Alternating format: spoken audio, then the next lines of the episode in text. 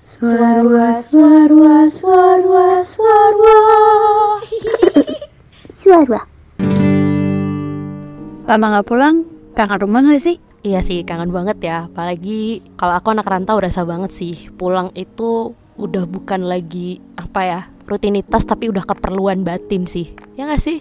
Oh gitu, karena saking crowdednya atau apa? Karena rumah adalah tempat aku kembali nggak sih? Jela kembali. Ini kayak tempat kembali ke Tuhan ya sebenarnya bukan? Kata-kata Kan aku kayak mencerminkan kerjaan kamu kayak ini capek banget gitu ya, Shay? Enggak, sebenarnya nggak capek sih. Cuman mungkin mungkin karena dari kecil waktunya lebih banyak di rumah ya. Oh anak rumah anak rumahan bohong banget padahal pulang malam juga cuman kayak ketika pulang di rumah itu emang aku kembalinya ke situ harusnya kayak gitu tempat istirahat gitu ya. tempat istirahat setelah lelah seharian gitu sih cila lelah seharian Tapi kalau rumah berdasarkan bahasa Indonesia kan rumah bangunan gitu ya. iya Tapi kan kalau di bahasa Inggrisin gitu ya, kan ada maknanya ya house and home gitu. iya di bahasa Inggris ada makna Apa aja dan dua hal yang artinya sama tapi maknanya jauh berbeda kan. banget banget kalau house itu kan kayak bangunan fisik ya strukturnya berapa lantai terbuat dari apa cat rumahnya apa ada pagernya apa enggak Iya. berapa kamar tidur, berapa kamar mandi. Tapi kalau home itu lebih ke kayak ikatan emosional nih. Aku baca dari ini ya kamus Oxford ya. Oh. Mengquote dari kamus Oxford. Curang ya ada Iya, contekan. iya, maksudnya kan biar eh, ini infonya valid dong ya, nggak menyesatkan para penikmat hidup gitu. Oh iya benar juga sih. Iya. Tapi kemarin aku sempat baca juga di jurnal ya. Mhm. Emang house and home itu sesuatu yang beda sih. dan makna dari eh, apa yang membuat sebuah eh, make a house a home itu mm, tiap orang juga beda-beda. Jadi em, berdasarkan maknanya pun ternyata karena terlalu personal, jadi maknanya pun subjektif. Jadi nggak ada definisi yang saklek tentang apa itu rumah. Jadi bisa jadi definisi rumah buat aku sama buat kamu beda ya. Iya, jadi tiap orang bakal beda-beda gitu, tergantung dari em, pengalaman masa kecilnya, Mhm. pemaknanya untuk pengalamannya di rumahnya itu seperti apa, kayak gitu. Karena rumah itu bisa jadi tempat untuk mungkin tempat pertama kali belajar, untuk kita bernau menemukan rasa aman, nyaman. Pertama kali kita belajar untuk berinteraksi sosial dengan manusia lain, itu juga di rumah gitu kan. Itu sih. Atau mungkin kita coba kulik kali ya. Oh boleh sih, kayak ini topik yang menarik sih. Iya ya, karena apalagi di era yang sekarang kayaknya orang-orang tuh pada hektik ya Hidupnya itu pace-nya cepet banget Terus kayak sibuk, sibuk, sibuk Duniawi, duniawi, duniawi gitu Sampai lupa sebenarnya definisi rumah yang sesungguhnya apa Kalau kamu apa definisi rumah? Kalau aku rumah tempat pulang. Asik.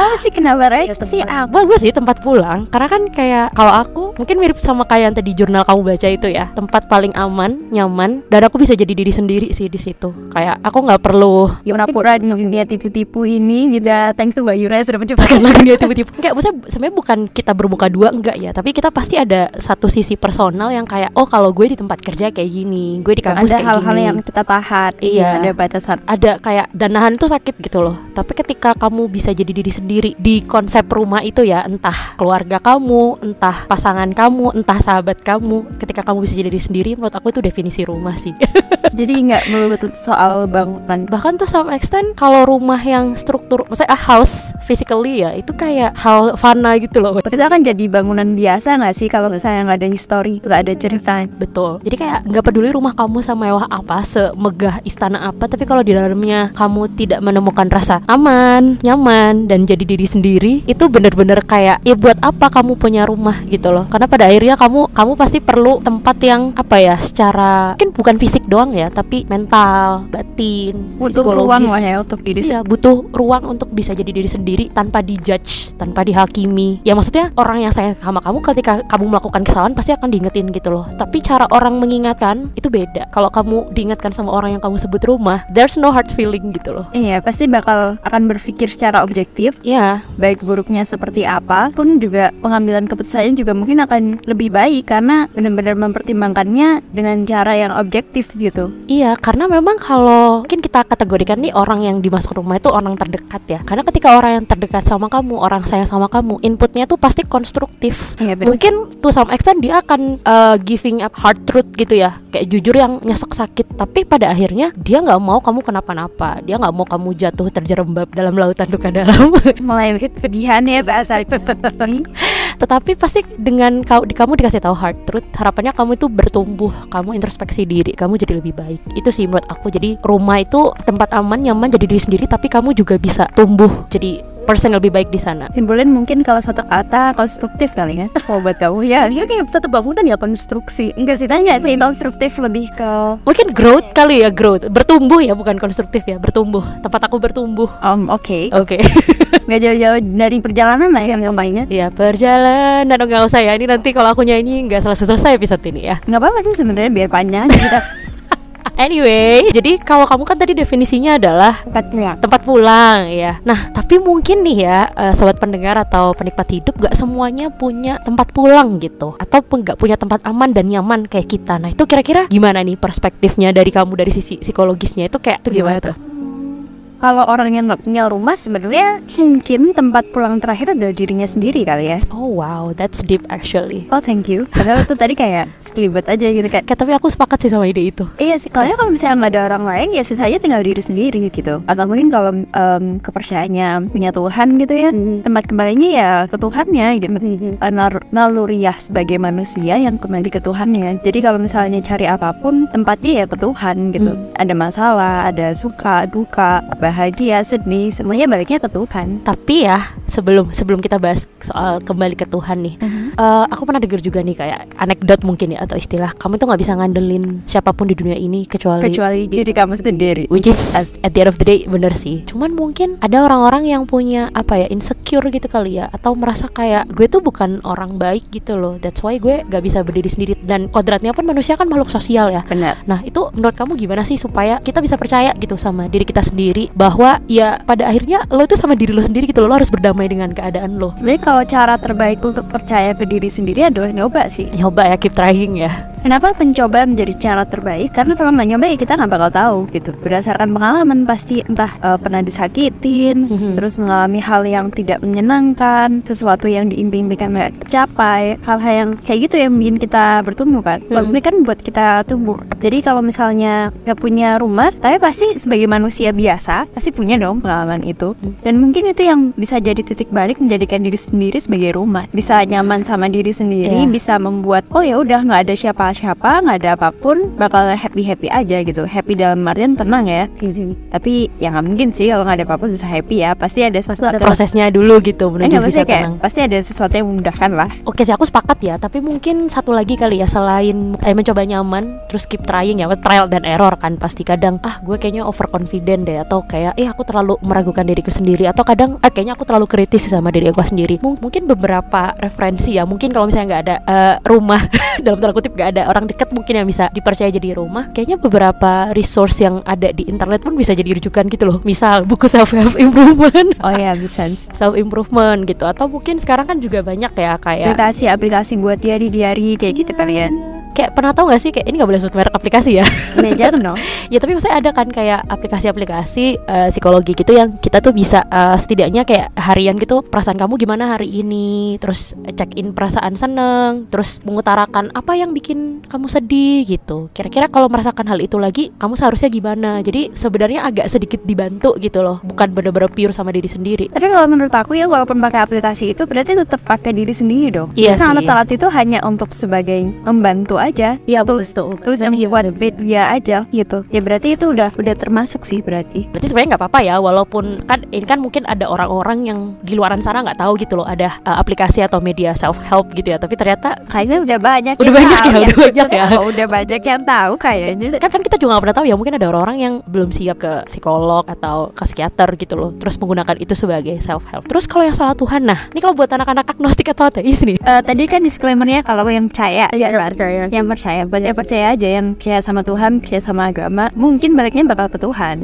Jadi kalau ditanya yang nggak punya Tuhan atau nggak punya agama gitu ya, Iya, maksudnya kan kayak eh, mungkin ada ada yang dia tuh dulunya taat gitu. Terus mungkin karena ada peristiwa besar di hidupnya membuat dia jadi nggak percaya sama Tuhan kayak jadi gitu. titik balik ya. Nah, jadi titik balik ah ya udahlah gue mau ibadah gimana pun gue juga doa gue nggak dikabulin kayak gitu misalnya. Karena kalau kayak gitu biasanya orang-orang kayak gitu kan orang-orang yang logis gitu kan ya. Ya bukan berarti kalau misalnya punya agama nggak logis. ya. Iya iya. ya. Tapi dalam artian biasanya mereka sangat mengandalkan logika. Eh, iya, sangat mengandalkan- mengandalkan logika, gimana cara berpikirnya dan segala macamnya dengan kompleksitas berpikirnya lah. Mm-mm, mm-mm. Bagi lagi kalau misalnya mereka adalah orang yang seperti itu, berarti mereka orang-orang yang pintar kan. Nah orang pintar itu cenderung bisa memanage dirinya sendiri. Logikanya kayak gitu ya. Karena dia terus men-challenge apa ide atau gagasan di depan Bener-bener dia. gitu ya. Biasanya dia akan menjadi orang yang konten gitu. Dia tahu kurang lebihnya diri dia, dia tahu em, cara untuk menutupi kekurangannya, memanfaatkan kelebihannya. Mhm. Jadi mungkin balik lagi kalau misalnya dia butuh rumah, mungkin hal-hal yang kayak gitu yang bakal digali oleh dirinya sendiri gitu. Oh.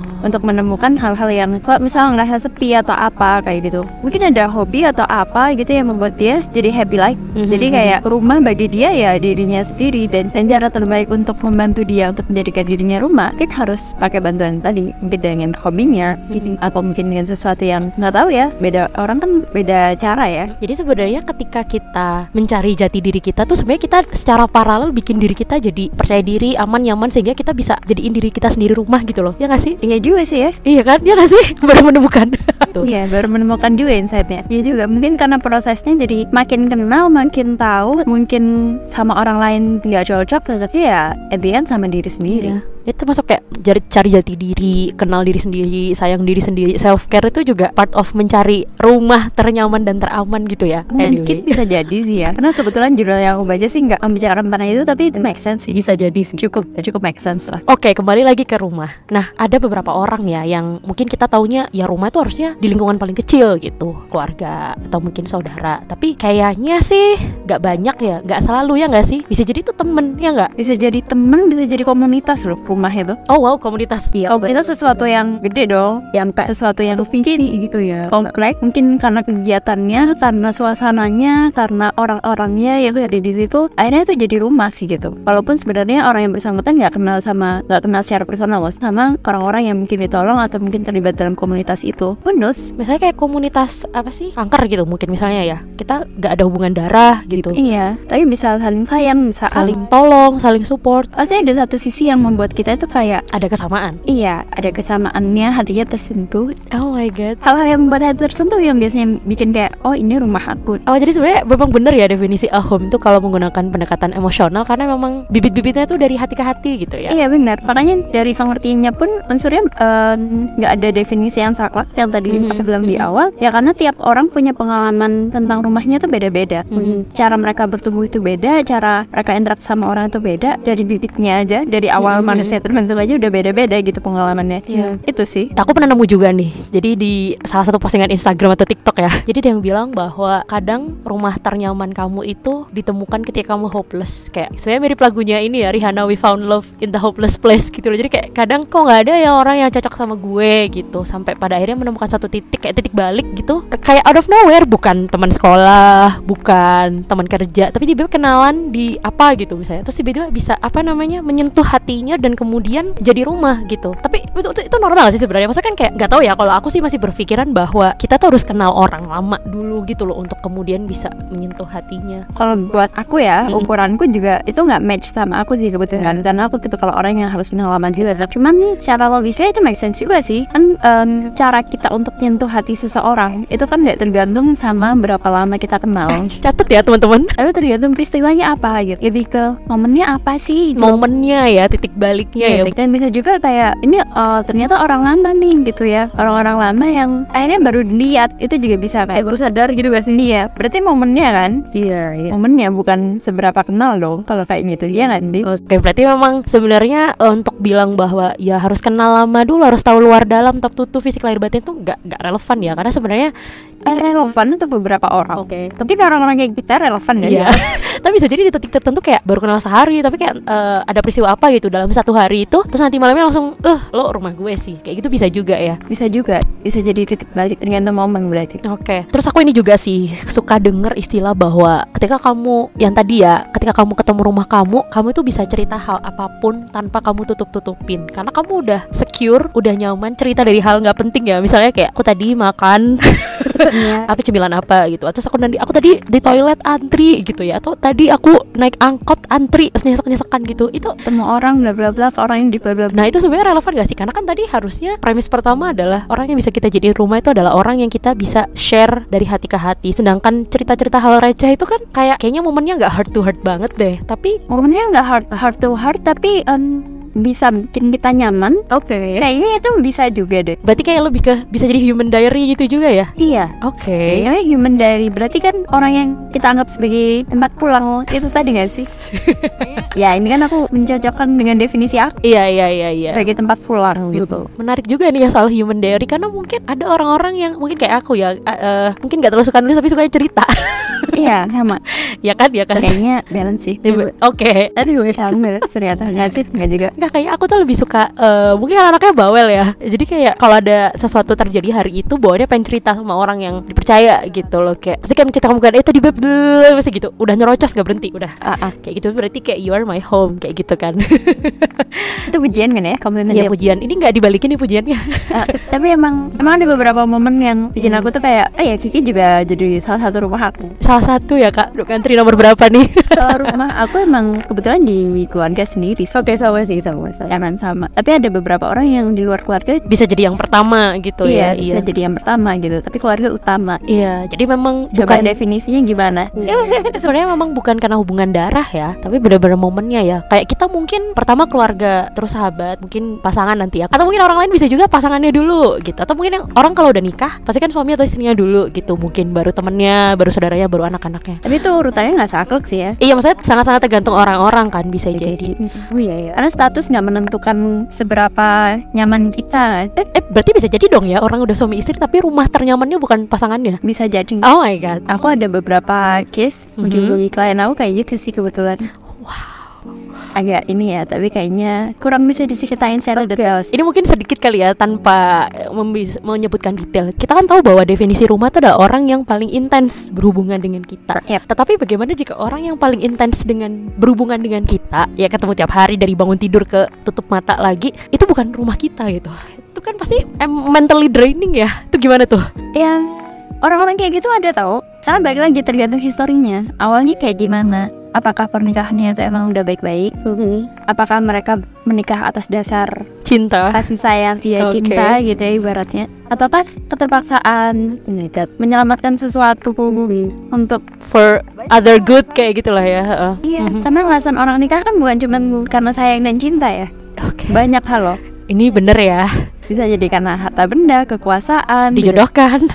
Em, dijodohkan mungkin ada yang akhirnya saling jatuh cinta tapi ada juga loh yang doesn't work gitu jadi kayak jadi bumerang jatuhnya jadi adanya perselingkuhan dan lain sebagainya jadi ada kes-kes yang malah negatif gitu gitu sih jadi kalau aku ngom ngom- lagi ngobrol sama orang gitu biasanya hal yang aku lakukan adalah menyeimbangkan dua sisinya gitu karena kalau belakangan kan orang lebih ke sisi yang positif ya kalau dijodohin anak anak sama orang tua itu artinya berbakti dan lain sebagainya tapi aku juga berusaha untuk menyeimbangkan cerita tersebut ada loh yang enggak ada loh kalau doesn't work nah kalau misalnya kamu yang kedua nih misalnya aku ketemu orang itu ya kalau misalnya kamu ada di pilihan yang kedua kamu siap nggak dengan hal itu kamu bisa nggak nanganin hal itu kayak gitu kalau misalnya ternyata yang tadi kamu bilang ya kita udah intens untuk ketemu apalagi satu ranjang satu atap yang dari bangun tidur sampai tidur lagi ketemu dengan orang tersebut tapi ternyata nggak ada ikatan emosional itu gimana Gimana deh? itu udah siap atau belum Oh my kalau God. misalnya yang bersangkutan udah merasa siap dan kayak dengan segala konsekuensinya ya. Iya, Mm. karena mungkin um,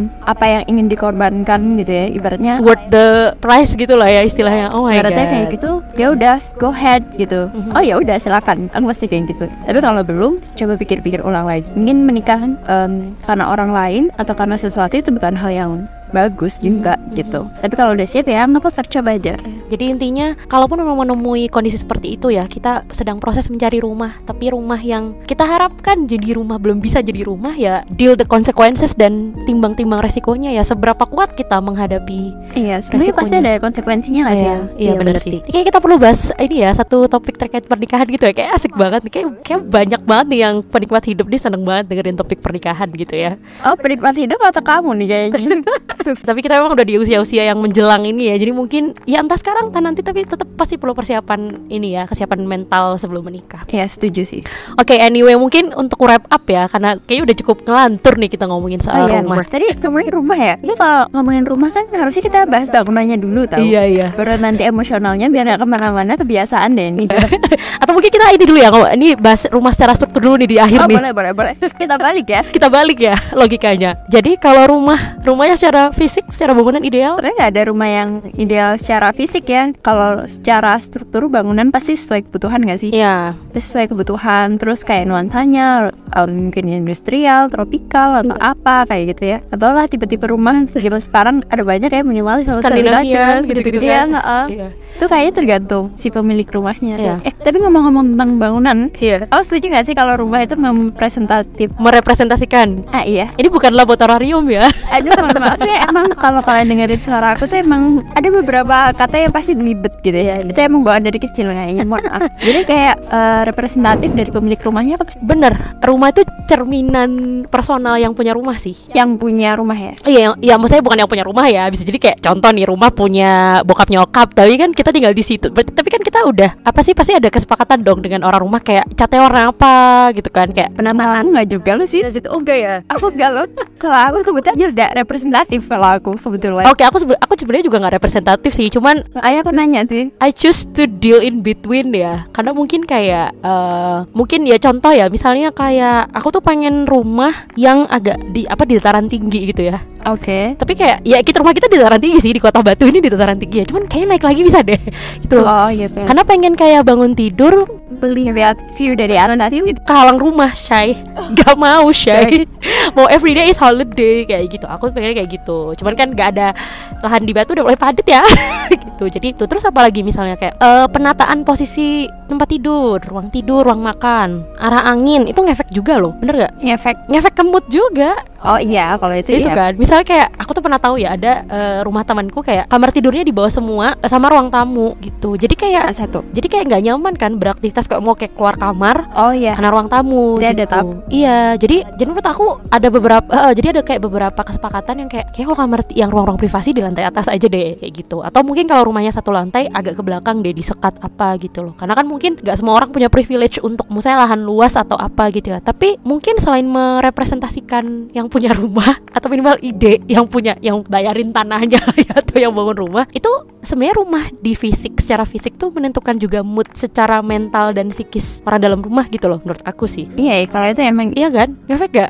efek banget ya iya kan? Kayak rumah ngarah mata ngadep arah hati- matahari pagi tuh kayak mm, mood booster. enak Iya. Tapi kalau pagi gak ngeliat matahari, kalangan rumah. kayak ada yang kurang ya Iya, contohnya kayak aku di perantauan itu kan kayak susah banget ya Syai dapat matahari. Kayak bangunannya tuh padat gitu. jadi kayak pagi nggak ada bedanya gitu ya sama siang akhirnya kayak panas-panas aja nggak akhirnya yang ku- bisa kulakukan adalah pulang kantor atau pulang kuliah sore lihat senja. Kalau aku nggak dapat matahari pagi, aku lihat matahari senja gitu loh. Jadi kayak choose the tapi kamu lebih suka sunrise atau sunset? Waduh ini jadi kayak pertanyaan probing ya. Nah, aku jadi kayak inget sesuatu gitu Oke. loh. Kamu lebih suka sunrise atau sunset? Sunset. Kamu tau gak? Tapi kalau waktu kecil kamu lebih suka sunset atau sunrise? Kalau kecil sunrise deh kayaknya. Kamu tau gak kenapa? Kenapa tuh? Sumpah, ini aku gantian ya abis kamu analisis aku, aku analisis balik. Ini sebenarnya bukan analisis sih. Oke, oke. Em, aku dapat dari temen aku juga sih. Oke. Dan dari sosial media lah. Oke. Jadi ternyata jawabannya adalah em, kan kenapa ketika dewasa kita lebih suka sunset? Dari Ngakak dulu boleh nggak? Ngakak dulu. Oke, oke. Dan Sampai pun garing. Namanya kita lebih suka sunset. Karena waktu matahari terbenam itu adalah waktu dimana kita pulang kerja. That's why we love sunset gitu. Oh iya sih, iya. Karena tanda ya kalau udah matahari terbenam pulang nih, pulang gitu. Ya, so- eh, itu kalau orang-orang setuju sama pendapat ini nih, ini mungkin kerjaannya ya, tolong diperiksa apakah kalian nyaman dengan kerjaan? Nyaman sih, so far masih nyaman ya dibanding teman-temanku yang lain. Oh iya. Jadi gue bandingin astagfirullahaladzim Ya gue sih, kan kalau nggak compare kita nggak tahu juga ya. Iya sih. Posisi kita ada di level kita seberapa nyaman. Oke, aku kayak gitu ya. Kalau kamu lebih suka sunrise sama sunset? Enggak, aku balik. Bodoh amat harus jawab. Kalau aku apa ya sunrise itu kayak kalau ngeliat ini ini beneran ya Hmm. mungkin jawabannya agak-agak drama yang agak-agak pendebihan tapi ini beneran sih kalau sunrise itu kayak kita lagi ngeliat satu harapan gak sih Terus bangun tidur nggak tapi tapi bener guys bangun tidur kayak ngeliat matahari tuh suasananya lebih kayak wah ada hal positif apa nih hari ini hari ini mau ngapain ya ada yang Dragon dinantikan Fest gitu loh setiap iya. harinya. Tapi kalau sunset itu lebih ke suasana-suasana yang kayak tenang, lagi evaluasi diri, diterima aja, kayak gitu-gitu gak sih? Ya, sudah pulang, ya, pulang ke rumah, ya, ya kayak misal kayak gitu. Jadi dua nuansa yang dua-duanya bisa aku nikmatin sih. Oke. Nah, nah, nah, nah, nah, nah.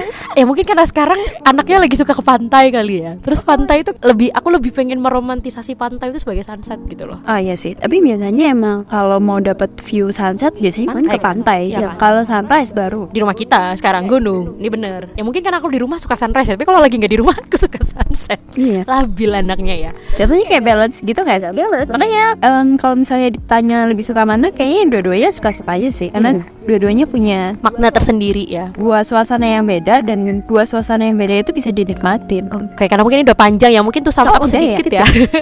tuh Sama sama sini sedikit. dikit ya. Jadi kalau house itu secara fisik tapi memang bisa jadi desain, penataan itu menentukan mood kita yang di dalam rumah itu gitu ya istilahnya secara Terasa dari segi konstruksi bangunan ya. Tapi kalau a home itu memang definisinya lebih personal emosional, personal dan eh, macam-macam bisa jadi itu dari keluarga kamu, dari sahabat kamu, dari pasangan kamu atau mungkin komunitas ya tadi atau temen eh atau bahkan diri sendiri Nah, jangan atau bahkan dengan dia diri sendiri. Yang pasti hal pertama yang harus kita nyaman dan aman adalah dengan diri sendiri ya. eh Nah, benar. mungkin terakhir nih, mungkin ini mewakili pertanyaan banyak orang ya.